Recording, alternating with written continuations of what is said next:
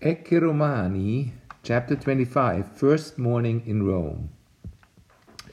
Iam dies erat, magnus erat clamor in urbe.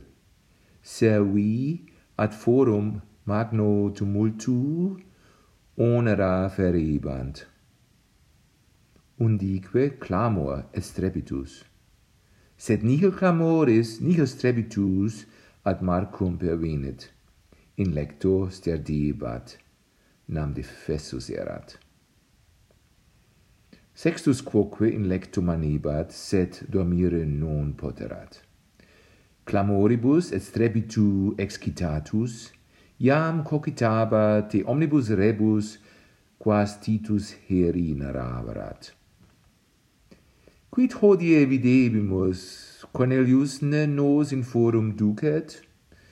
Ego ceati forum et curiam et senadores videre volo.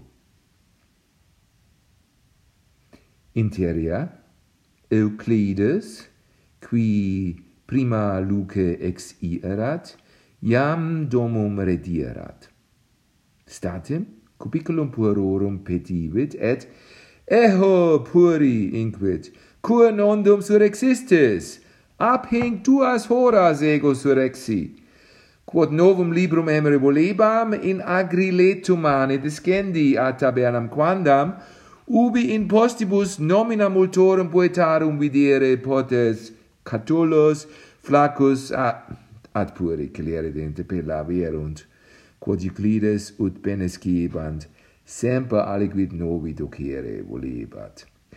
Quid in viis videsti? Euclides nihil inquit nisi miserum hominem lapidibus oppressum. Boves lapides quadratos in plaustro drahebant ad novum aedificium, quod Caesar propedum auream conficit. Illud aedificum est ingens amphitheatrum, et mox princeps ludos ibi faciet. Si boni pueri fueritis, fortasse ad ludos ibitis.